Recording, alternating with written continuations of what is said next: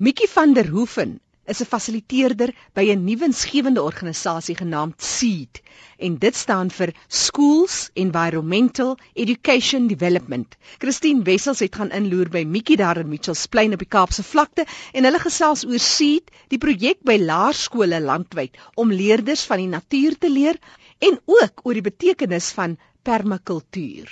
Mikkie, ons staan nou hierso onder 'n boom by Rocklands Primêre Skool in Mitchells Plain.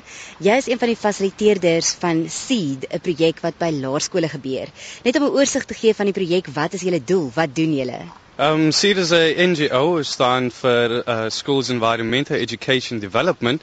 En wat ons probeer doen is die skool se kurrikulum deur middel van groentetuin en kosproduksie te probeer leer soos byvoorbeeld alle natuurwetenskappe kom baie voor hierso en as ook wiskunde byvoorbeeld as 'n bed 10 meter by 1 meter lank is of wortels hou van 50 of 5 cm whatever die geval is hoeveel wortels kan daar geplant word? So dit is uh dit is net 'n simpel voorbeeld van wiskunde as een van die kurrikulumvakke So kinders leer dan letterlik in hierdie buitelug klaskamers in die tuin. Baie van hulle klasse word dis hier aangebied. Jep, dit is so. Um die doel daarvan is ook dat die onderwysers ook later van tyd die program oorvat en dat ons net as fasiliteerders net die beginstappe en uh support nou doen vir hulle en dan vat hulle self oor so. Hulle kom dan uit van van hulle klaskamers kom hier buite stap hier rond en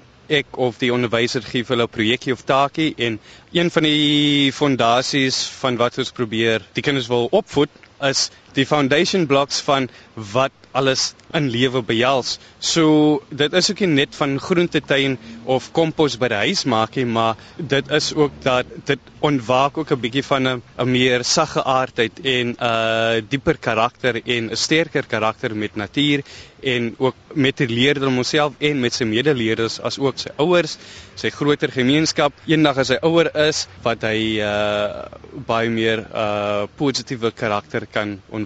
Ek het al van tevore gesels met Alex Kreer, jy ken nou ook en jy het ook jou opleiding waar gedoen van Bergendal Opleidingsentrum om te verduidelik permakultuur. Dit is 'n baie uitgebreide onderwerp. Mens kan baie daaroor praat, maar as jy moet opsom, wat beteken permakultuur? Want dit is ook die basiese prinsipe van permakultuur wat jy toepas in hierdie organiese voedseltuine.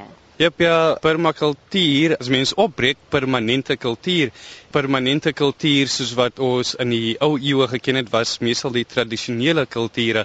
So dit is nou net om 'n bietjie net 'n stap terug te vat in ons uh, soort van civilization of vordering in tegnologie en so om te kyk hoe ons soort van dinge kan bietjie verbeter, hoe ons uh, meer 'n dieper koneksie te kan kry saam met of uit natuur uit mense het begin besef dat ons konvensionele maniere van hoe ons voedsel kry het 'n groot impak op die omgewing as ook op die persoon self.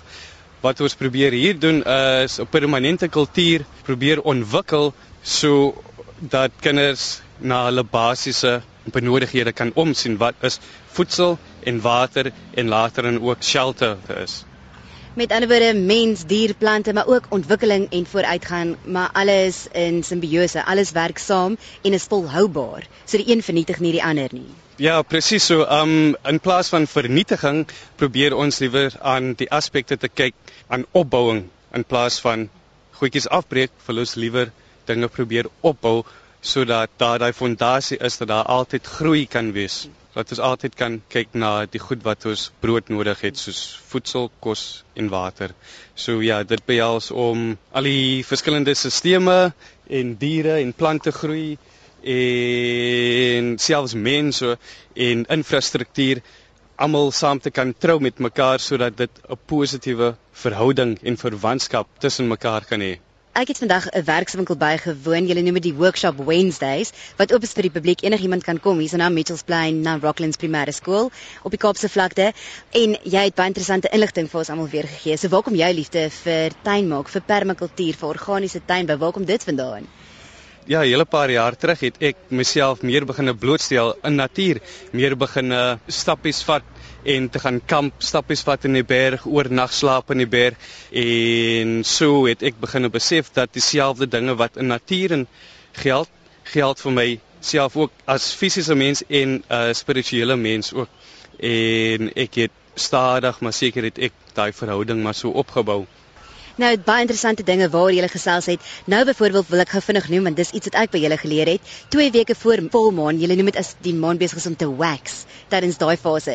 Dit is dan die tyd wat jy moet plant. Verduidelik gou vir ons waarom is dit so belangrik dat mens 2 weke voor volmaan plant en bietjie woeker in jou tuin, maar nie soos hier in die grond werk nie, maar jy's plant van 2 weke tot dit nou volmaan is en weer eens ons let dit op in natuur as 'n mens op die strand sit en 'n mens neem waar wanneer dit hoë gety is en wanneer dit lae gety is en dit het betrekking tot die maan en son se aantrekkingskrag teenoor die aarde.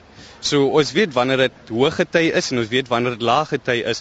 So met hoë gety, wat gebeur is die maan trek die water na die aarde se oppervlakte en dit is wanneer ons hoë gety kry. Ja, so ons het toe afgelei dat die beste tyd om te plant is gedurende daai tyd want die water word dan nou meer opgetrek na die surface van die van die grond toe en as dit nou die ander kant om is dan uh, sal die water nou weer baie dieper is onder die grond en dit is dan baie moeiliker vir die plante en die saailinge om baie kinders. Is dis dan baie makliker wanneer die water nader aan die oppervlak is vir die saaitjie of saailing die water te kan opneem Ook interessant wat jy genoem het dat as mens byvoorbeeld hout wil afkap, moet mens kyk vir daai 2 weke na volmaan want dan is daar minder water in die hout en die hout is droog en daar's minder kewers ook. Ja, presies. Ehm um, hulle noem dit moon phase harvesting. Spesifiek twee keer elke jaar is dit die beste tyd om bome af te sny. En soos jy gesê het, daar nou nie kewers is nie, daar is nie ehm uh, enige insekte wat die hout aan vreet nie, want wat gebeur in daai tyd is die boom stuur al sy sappe en al sy vloeistowwe stuur hy terug in die grond in die wortels en en dit is die tyd wanneer dit nou nie volmaan is nie.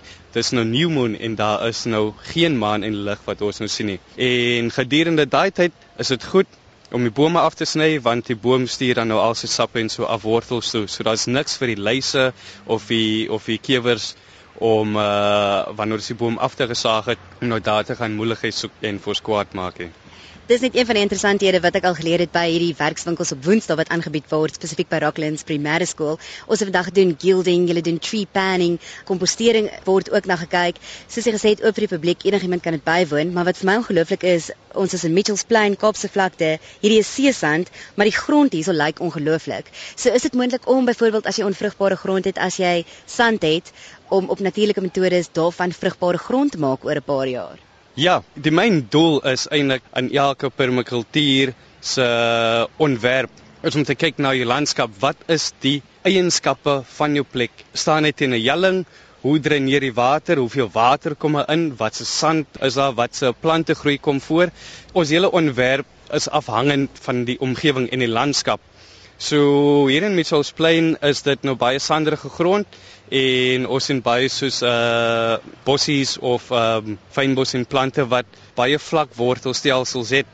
En dit is 'n goeie indikasie dat die sand baie los is en daai plante soos ons nou waarneem in natuur hulle hou dan die sandduine bymekaar en 'n mens kan sien op Biden Paul Drive dat die sand waai sommer net so oor die pad want daar is nie baie plante groei wat die sand stabiliseer of die sandbanke stabiliseer nie. So wat ons hierso doen, die kern van elke ontwerp in permakultuur uh, is dat 'n mens grond en jou kompos moet opbou want dit is een van die groot fondasies wat 'n mens kan doen. En dit met jou landskap om te kyk waar jou water kom, waar jou wind veraan kom, waar jou son veraan kom en al daai eienskappe wat 'n mens na moet kyk. Waar kan ons meer inligting kry oor Seed vir mense wat die werkswinkels wil bywoon op Woensdae, die gratis werkswinkels en ook vir mense wat weer inligting wil kry want ek weet julle bied ook 'n uh, inleiding tot permakultuur hier aan. Wat is julle webtuiste adres? Ons webadres is www.seed.org.za s-e-d.org.za en ja, ons gevestig in Mitchells Plain, Rocklands. Dit is 'n uh, soort van aan die einde van Vanguard Drive, uh by die Rocklands Primêre Skool. Die stem daarvan Mikkie van der Hoeven, hy is fasiliteerder van die nuwe insgewende organisasie SEED. Dit staan vir Schools Environmental Education Development en hulle is werksaam daar onder andere op die Kaapse vlakte by Mitchells Plain se laerskole.